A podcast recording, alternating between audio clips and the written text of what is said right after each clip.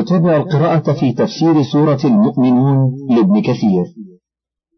وقال أيضا حدثنا أبي حدثنا آدم بن أبي إياس حدثنا شيبان عن جابر الجعفي عن عامر الشعبي عن زيد بن ثابت الأنصاري قال أملى علي رسول الله صلى الله عليه وسلم هذه الآية ولقد خلقنا الإنسان من سلالة من طين إلى قوله خلقا آخر.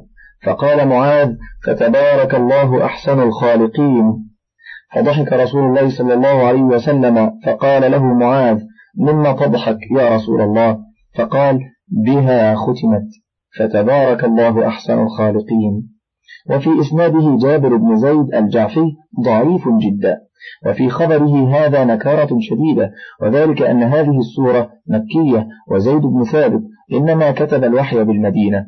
وكذلك إسلام معاذ بن جبل إنما كان بالمدينة أيضا فالله أعلم. وقوله ثم إنكم بعد ذلك لميتون يعني بعد هذه النشأة الأولى من العدم تصيرون إلى الموت. ثم إنكم يوم القيامة تبعثون يعني النشأة الأخرى. ثم الله ينشئ النشأة الأخرى يعني يوم المعاد. وقيام الأرواح إلى الأجساد فيحاسب الخلائق ويوفى كل عامل عمله إن خيرا فخير وإن شرا فشر. ولقد خلقنا فوقكم سبع طرائق وما كنا عن الخلق غافلين. لما ذكر تعالى خلق الإنسان عطف بذكر خلق السماوات السبع. وكثيرا ما يذكر تعالى خلق السماوات والأرض مع خلق الإنسان. كما قال تعالى لخلق السماوات والأرض أكبر من خلق الناس. وهكذا في أول ألف لام ميم السجدة التي كان رسول الله صلى الله عليه وسلم يقرأ بها صبيحة يوم الجمعة في أولها. خلق السماوات والأرض ثم بيان خلق الإنسان من سلالة من طين وفيها أمر المعاد والجزاء وغير ذلك من المقاصد. وقوله سبع طرائق قال مجاهد يعني السماوات السبع.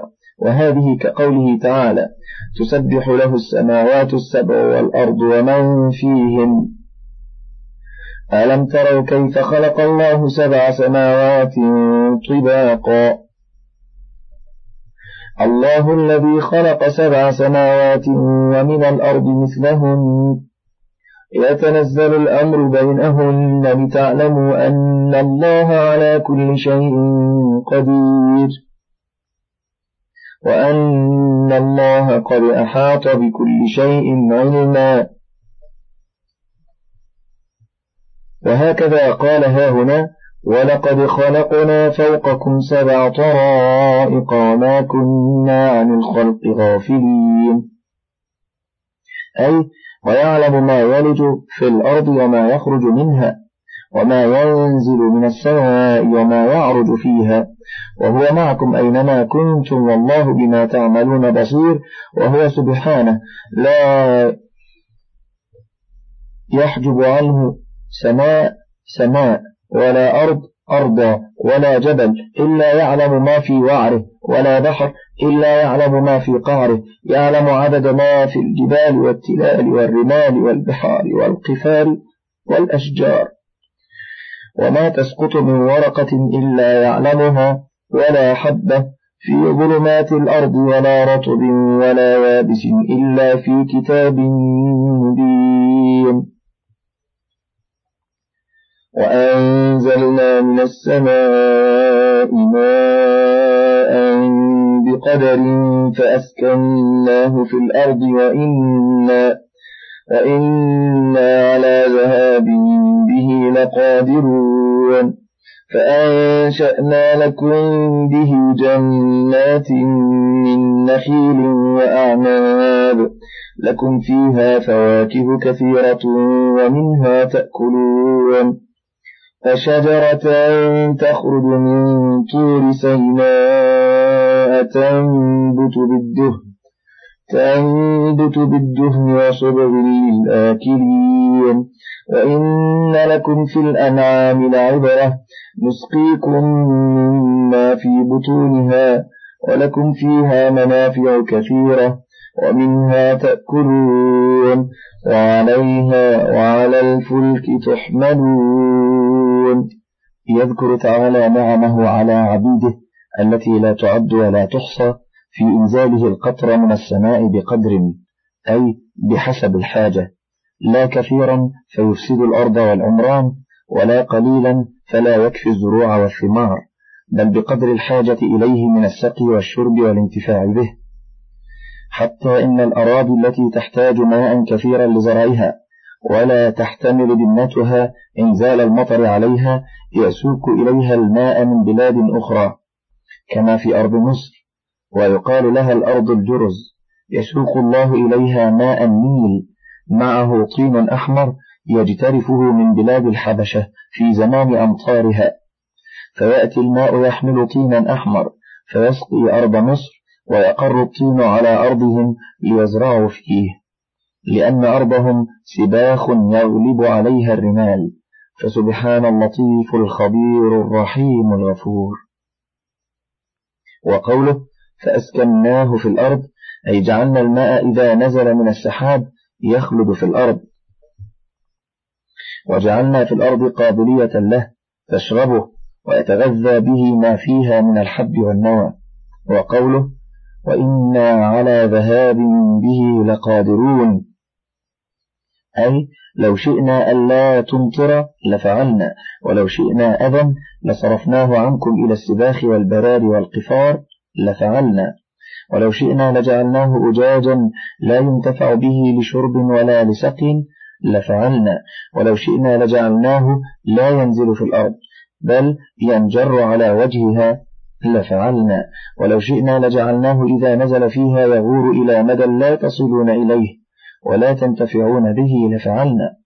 ولكن بلطفه ورحمته ينزل عليكم الماء من السحاب عذبا فراتا زلالا فيسكنه في الأرض ويسلكه ينابيع في الأرض فيفتح العيون والأنهار ويسقي به الزروع والثمار تشربون منه ودوابكم وأنعامكم وتغتسلون منه وتطهرون منه وتتنظفون فله الحمد والمنة. وقوله فأنشأنا لكم به جنات من نخيل وأعناب يعني فأخرجنا لكم بما أنزلنا من السماء جنات أي بساتين وحدائق ذات بهجة أي منظر حسن وقوله من نخيل وأعناب أي فيها نخيل وأعناب وهذا ما كان يألف أهل الحجاز ولا فرق بين الشيء وبين نظيره. وكذلك في حق كل أهل إقليم عندهم من الثمار من نعمة الله عليهم ما يعجزون عن القيام بشكره. وقوله لكم فيها فواكه كثيرة أي من جميع الثمار كما قال ينبت لكم به الزرع والزيتون والنخيل والأعناب ومن كل الثمرات. وقوله ومنها تأكلون كأنه معطوف على شيء مقدر تقديره تنظرون إلى حسنه ونضجه ومنه تأكلون. وقوله وشجرة تخرج من طور سيناء يعني الزيتونة والطور هو الجبل. وقال بعضهم إنما يسمى طورا إذا كان فيه شجر فإن عري عنها سمي جبلا لا طورا والله أعلم. وطور سيناء وطور سينين وهو الجبل الذي كلم الله عليه موسى ابن عمران عليه السلام. وما حوله من الجبال التي فيها شجر الزيتون وقوله تنبت بالدهن قال بعضهم الباء زائدة وتقديره تنبت الدهن كما في قول العرب ألقى فلان بيده أي ألقى يده. وأما على قول من يضمن الفعل فتقديره تخرج بالدهن. أو تأتي بالدهن. ولهذا قال وصبغ أي أدم قاله قتادة للآكلين أي فيها ما ينتفع به من الدهن والاصطباغ كما قال الإمام أحمد حدثنا وكيع عن عبد الله بن عيسى عن عطاء الشامي عن أبي أسيد واسمه مالك بن ربيعة الساعدي الأنصاري رضي الله عنه قال قال رسول الله صلى الله عليه وسلم كلوا الزيت وادهنوا به فإنه من شجرة مباركة. وقال عبد بن حميد في مسنده وتفسيره حدثنا عبد الرزاق أخبرنا معمر عن زيد بن أسلم عن أبيه عن عمر أن رسول الله صلى الله عليه وسلم قال ائتدموا بالزيت وادهنوا به فإنه يخرج من شجرة مباركة. ورواه الترمذي وابن ماجة من غير وجه عن عبد الرزاق. قال الترمذي ولا يعرف إلا من حديثه وكان يضطرب فيه فربما ذكر فيه عمر وربما لم يذكره. قال أبو القاسم الطبراني حدثنا عبد الله بن أحمد بن حنبل حدثنا أبي حدثنا سفيان بن عيينة حدثني الصعب بن حكيم عن شريك بن نميلة عن أبيه عن جده قال ضفت عمر بن الخطاب رضي الله عنه ليلة عاشوراء. فأطعمني من رأس بعير بارد وأطعمنا زيتا وقال هذا الزيت المبارك الذي قال الله لنبيه صلى الله عليه وسلم وقوله وإن لكم في الأنعام لعبرة نسقيكم مما في بطونها ولكم فيها منافع كثيرة ومنها تأكلون وعليها وعلى الفلك تحملون. يذكر تعالى ما جعل لخلقه في الأنعام من المنافع. وذلك أنهم يشربون من ألبانها الخارجة من بين فرث ودم ويأكلون من حملانها ويلبسون من أصوافها وأوبارها وأشعارها ويركبون ظهورها ويحملونها الأحمال الثقال إلى البلاد النائية عنهم كما قال تعالى وتحمل أثقالكم إلى بلد لم تكونوا بالغيه إلا بشق الأنفس إن ربكم لرؤوف رحيم. وقال تعالى أولم يروا أنا خلقنا لهم ما عملت أيدينا أنعاما أنعاما فهم لها مالكون وذللناها لهم فمنها ركوبهم ومنها يأكلون ولهم فيها منافع ومشارب أفلا يشكرون. ولقد أرسلنا نوحا إلى قومه فقال يا قوم اعبدوا الله ما لكم من إله غيره أفلا تتقون فقال الملأ الذين كفروا من قومه ما هذا إلا بشر مثلكم إلا بشر مثلكم يريد أن يتفضل عليكم ولو شاء الله لأنزل ملائكة ما سمعنا بهذا في آبائنا الأولين إن هو إلا رجل به جنة فتربصوا به حتى حين يخبر تعالى عن نوح عليه السلام حين بعثه إلى قومه لينذرهم عذاب الله وبأسه الشديد وانتقامه ممن أشرك به وخالف أمره وكذب رسله. فقال يا قوم اعبدوا الله ما لكم من إله غيره أفلا تتقون؟ أي ألا تخافون من الله في إشراككم به؟ فقال الملأ وهم السادة والأكابر منهم ما هذا إلا بشر مثلكم يريد أن يتفضل عليكم. يعنون يترفع عليكم ويتعاظم بدعوى النبوة وهو بشر مثلكم فكيف أوحي إليه دونكم؟ ولو شاء الله لأنزل ملائكة. أي لو أراد أن يبعث نبيا لبعث ملكا من عنده ولم يكن بشرا. ما سمعنا بهذا؟ أي ببعثة البشر في آبائنا الأولين يعنون بهذا أسلافهم وأجدادهم في الدهور الماضية. وقوله إن إلا رجل به جنة أي مجنون فيما يزعمه من أن الله أرسله إليكم واختصه من بينكم بالوحي فتربصوا به حتى حين أي انتظروا به ريب المنون واصبروا عليه مدة حتى تستريحوا منه. قال رب انصرني بما كذبون. فأوحينا إليه أن اصنع الفلك بأعيننا وحينا فإذا جاء أمرنا وفارت النور فاسلك فيها فاسلك فيها من كل زوجين اثنين وأهلك إلا من سبق عليه القول منهم. ولا تخاطبني في الذين ظلموا إنهم مغرقون.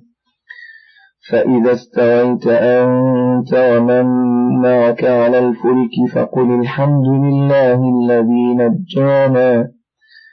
فقل الحمد لله الذي نجانا من القوم الظالمين. وقل رب أنزلني منزلا مباركا وأنت خير المنزلين. إن في ذلك لآيات وإن كنا لمبتلين. يخبر تعالى عن نوح عليه السلام أنه دعا ربه ليستنصره على قومه كما قال تعالى مخبرا عنه في الآية الأخرى فدعا ربه أني مغلوب فانتصر وقالها هنا رب انصرني بما كذبون. فعند ذلك أمره الله تعالى بصنعة السفينة وإحكامها وإتقانها وأن يحمل فيها من كل زوجين اثنين أي ذكرا وأنثى من كل صنف من الحيوانات والنباتات والثمار وغير ذلك. وأن يحمل فيها أهله إلا من سبق عليه القول منهم. أي من سبق عليه القول من الله بالهلاك وهم الذين لم يؤمنوا به من أهله كابنه وزوجته والله أعلم. وقوله ولا تخاطبني في الذين ظلموا إنهم مغرقون. أي عند معاينة إنزال المطر العظيم لا تأخذنك رأفة بقومك وشفقة عليهم وطمع في تأخيرهم لعلهم يؤمنون. فإني قد قضيت أنهم مغرقون على ما هم عليه من الكفر والطغيان. وقد تقدمت القصة مبسوطة في سورة هود بما يغني عن إعادة ذلك هاهنا وقوله فإذا استويت أنت ومن معك على الفلك فقل الحمد لله الذي نجانا من القوم الظالمين كما قال وجعل لكم من الفلك والأنعام ما تركبون لتستووا على ظهوره ثم تذكروا نعمة ربكم إذا استويتم عليه. وتقولوا سبحان الذي سخر لنا هذا وما كنا له مقرنين وإنا إلى ربنا لمنقلبون.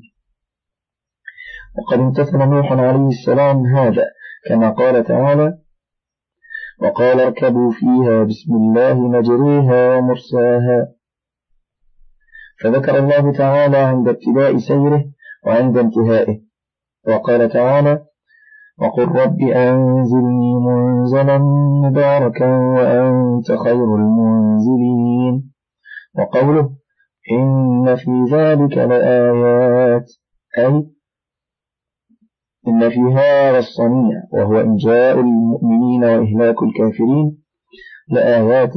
أي لحججا ودلالات واضحات على صدق الأنبياء فيما جاءوا به عن الله تعالى وأنه تعالى فاعل لما يشاء قادر على كل شيء عليم بكل شيء وقوله وإن كنا لمبتلين أي لمختبرين للعباد بإرسال المرسلين يخبر تعالى أنه أنشأ بعد قوم نوح قرنا آخرين قيل المراد بهم عاد.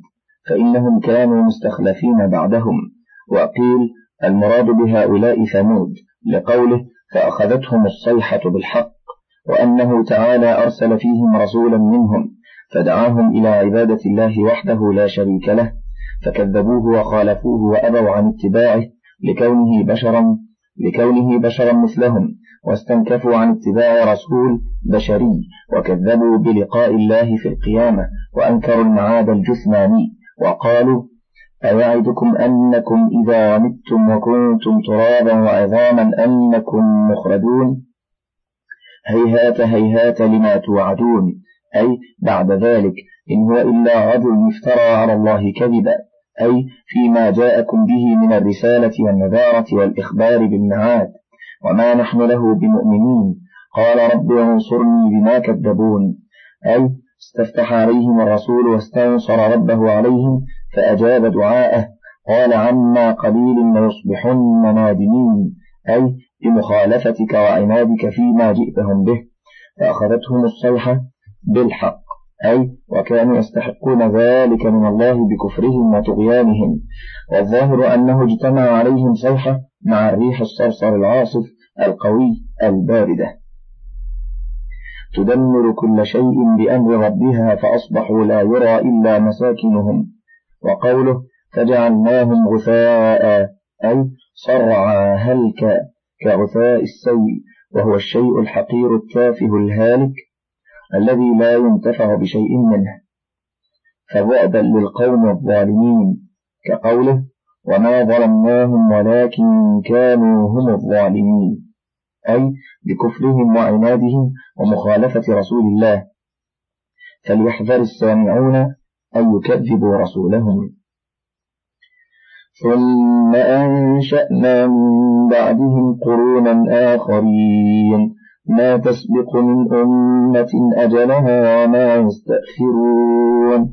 ثم أرسلنا رسلنا تترى كلما جاء أمة رسولها كذبوه فأتبعنا بعدهم بعضا وجعلناهم وجعلناهم أحاديث فبعدا لقوم لا يؤمنون.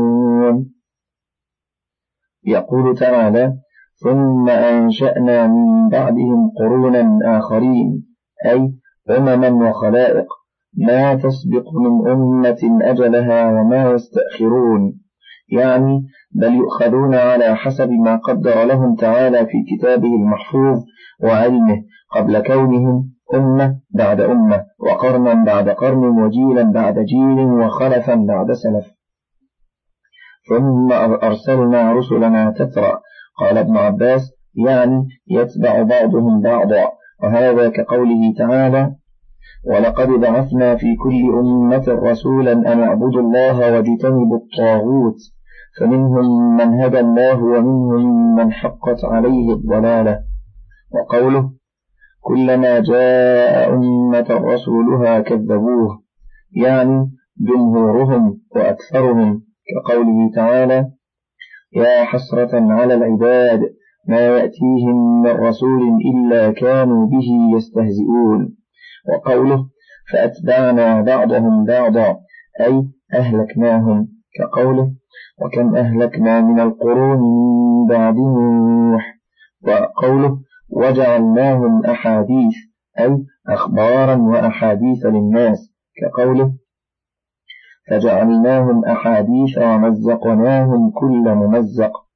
ثم أرسلنا موسى أخاه هارون بآياتنا وسلطان مبين إلى فرعون وملئه فاستكبروا وكانوا قوما عالين فقالوا أنؤمن لبشرين مثلنا وقومهما لنا عابدون فكذبوهما فكانوا من المهلكين ولقد آتينا موسى الكتاب لعلهم يهتدون.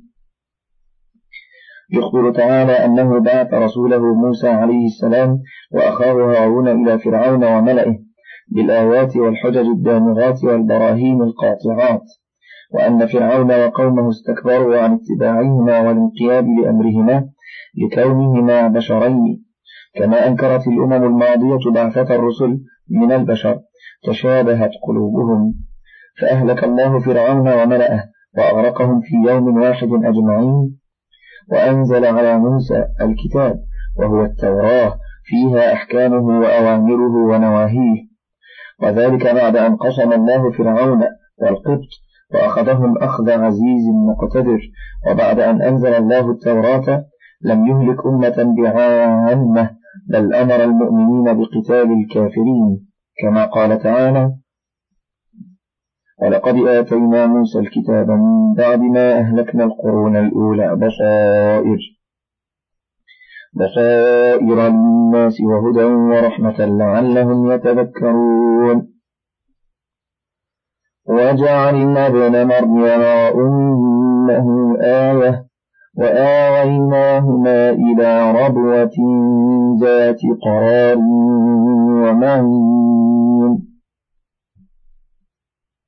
يقول تعالى مخبرا عن عبده ورسوله عيسى بن مريم عليهما السلام أنه جعلهما آية للناس أي حجة قاطعة على قدرته على ما يشاء فإنه خلق آدم من غير أب ولا أم وخلق حواء من ذكر بلا أنثى. وخلق عيسى من أنثى بلا ذكر وخلق بقية الناس من ذكر وأنثى. وقوله وآويناهما إلى ربوة ذات قرار ومعين. قال الضحاك عن ابن عباس الربوة المكان المرتفع من الأرض وهو أحسن ما يكون فيه النبات. وكذا قال مجاهد وأكرمة وسعيد بن جبير وقتادة. قال ابن عباس وقوله ذات قرار يقول ذات خص ومعين يعني ماء ظاهرا وكذا قال مجاهد وأكرمة وسعيد بن جبير وقتادة. وقال مجاهد ربوة مستوية. وقال سعيد بن جبير ذات قرار ومعين استوى الماء فيها. وقال مجاهد وقتادة ومعين الماء الجاري. ثم اختلف المفسرون في مكان هذه الربوة من أي أرض هي. فقال عبد الرحمن بن زيد بن أسلم ليس الربا إلا بمصر والماء. حين يسيل يكون الربا عليها القرى ولولا الربا غرقت القرى. وروى عن وهب بن منبه نحو هذا وهو بعيد جدا. وروى ابن أبي حاتم عن سعيد بن المسيب في قوله وآويناهما إلى ربوة ذات قرار ومعين قال هي دمشق قال وروي عن عبد الله بن سلام والحسن وزيد بن أسلم وخالد بن معدان نحو ذلك وقال ابن أبي حاتم حدثنا أبو سعيد الأشج حدثنا وكيع عن إسرائيل عن سماك عن إكرمة عن ابن عباس ذات قرار ومعين قال أنهار دمشق. وقال ليث بن أبي سليم عن مجاهد وآويناهما إلى ربوة. قال عيسى بن مريم وأمه حين آوى إلى غوطة دمشق. وما حولها. وقال عبد الرزاق عن بشر بن رافع عن أبي عبد الله ابن عم أبي هريرة قال سمعت أبا هريرة يقول في قول الله تعالى إلى ربوة ذات قرار ومعين. قال هي الرملة من فلسطين. وقال ابن أبي حاتم حدثنا أبي حدثنا إبراهيم بن محمد بن يوسف الفريابي. حدثنا رواد بن الجراح. حدثنا عباد بن عباد بن الخواص. أبو عتبة. حدثنا الشيباني عن, عن ابن وعلة عن كريب السحولي عن مرة البهذي قال سمعت رسول الله صلى الله عليه وسلم يقول لرجل إنك تموت بالربوة فمات بالرملة وهذا حديث غريب جدا وأقرب الأقوال في ذلك ما رواه العوفي عن ابن عباس في قوله وآويناهما إلى ربوة ذات قرار ومعين قال المعين الماء الجاري وهو النهر الذي قال الله تعالى قد جعل ربك تحتك سريا. وكذا قال الضحاك وقتادة إلى ربوة ذات قرار ومعين هو بيت المقدس. فهذا والله أعلم هو الأظهر لأنه المذكور في الآية الأخرى والقرآن يفسر بعضه بعضا وهذا أولى ما يفسر به ثم الأحاديث الصحيحة ثم الآثار. من فضلك تابع بقية المادة.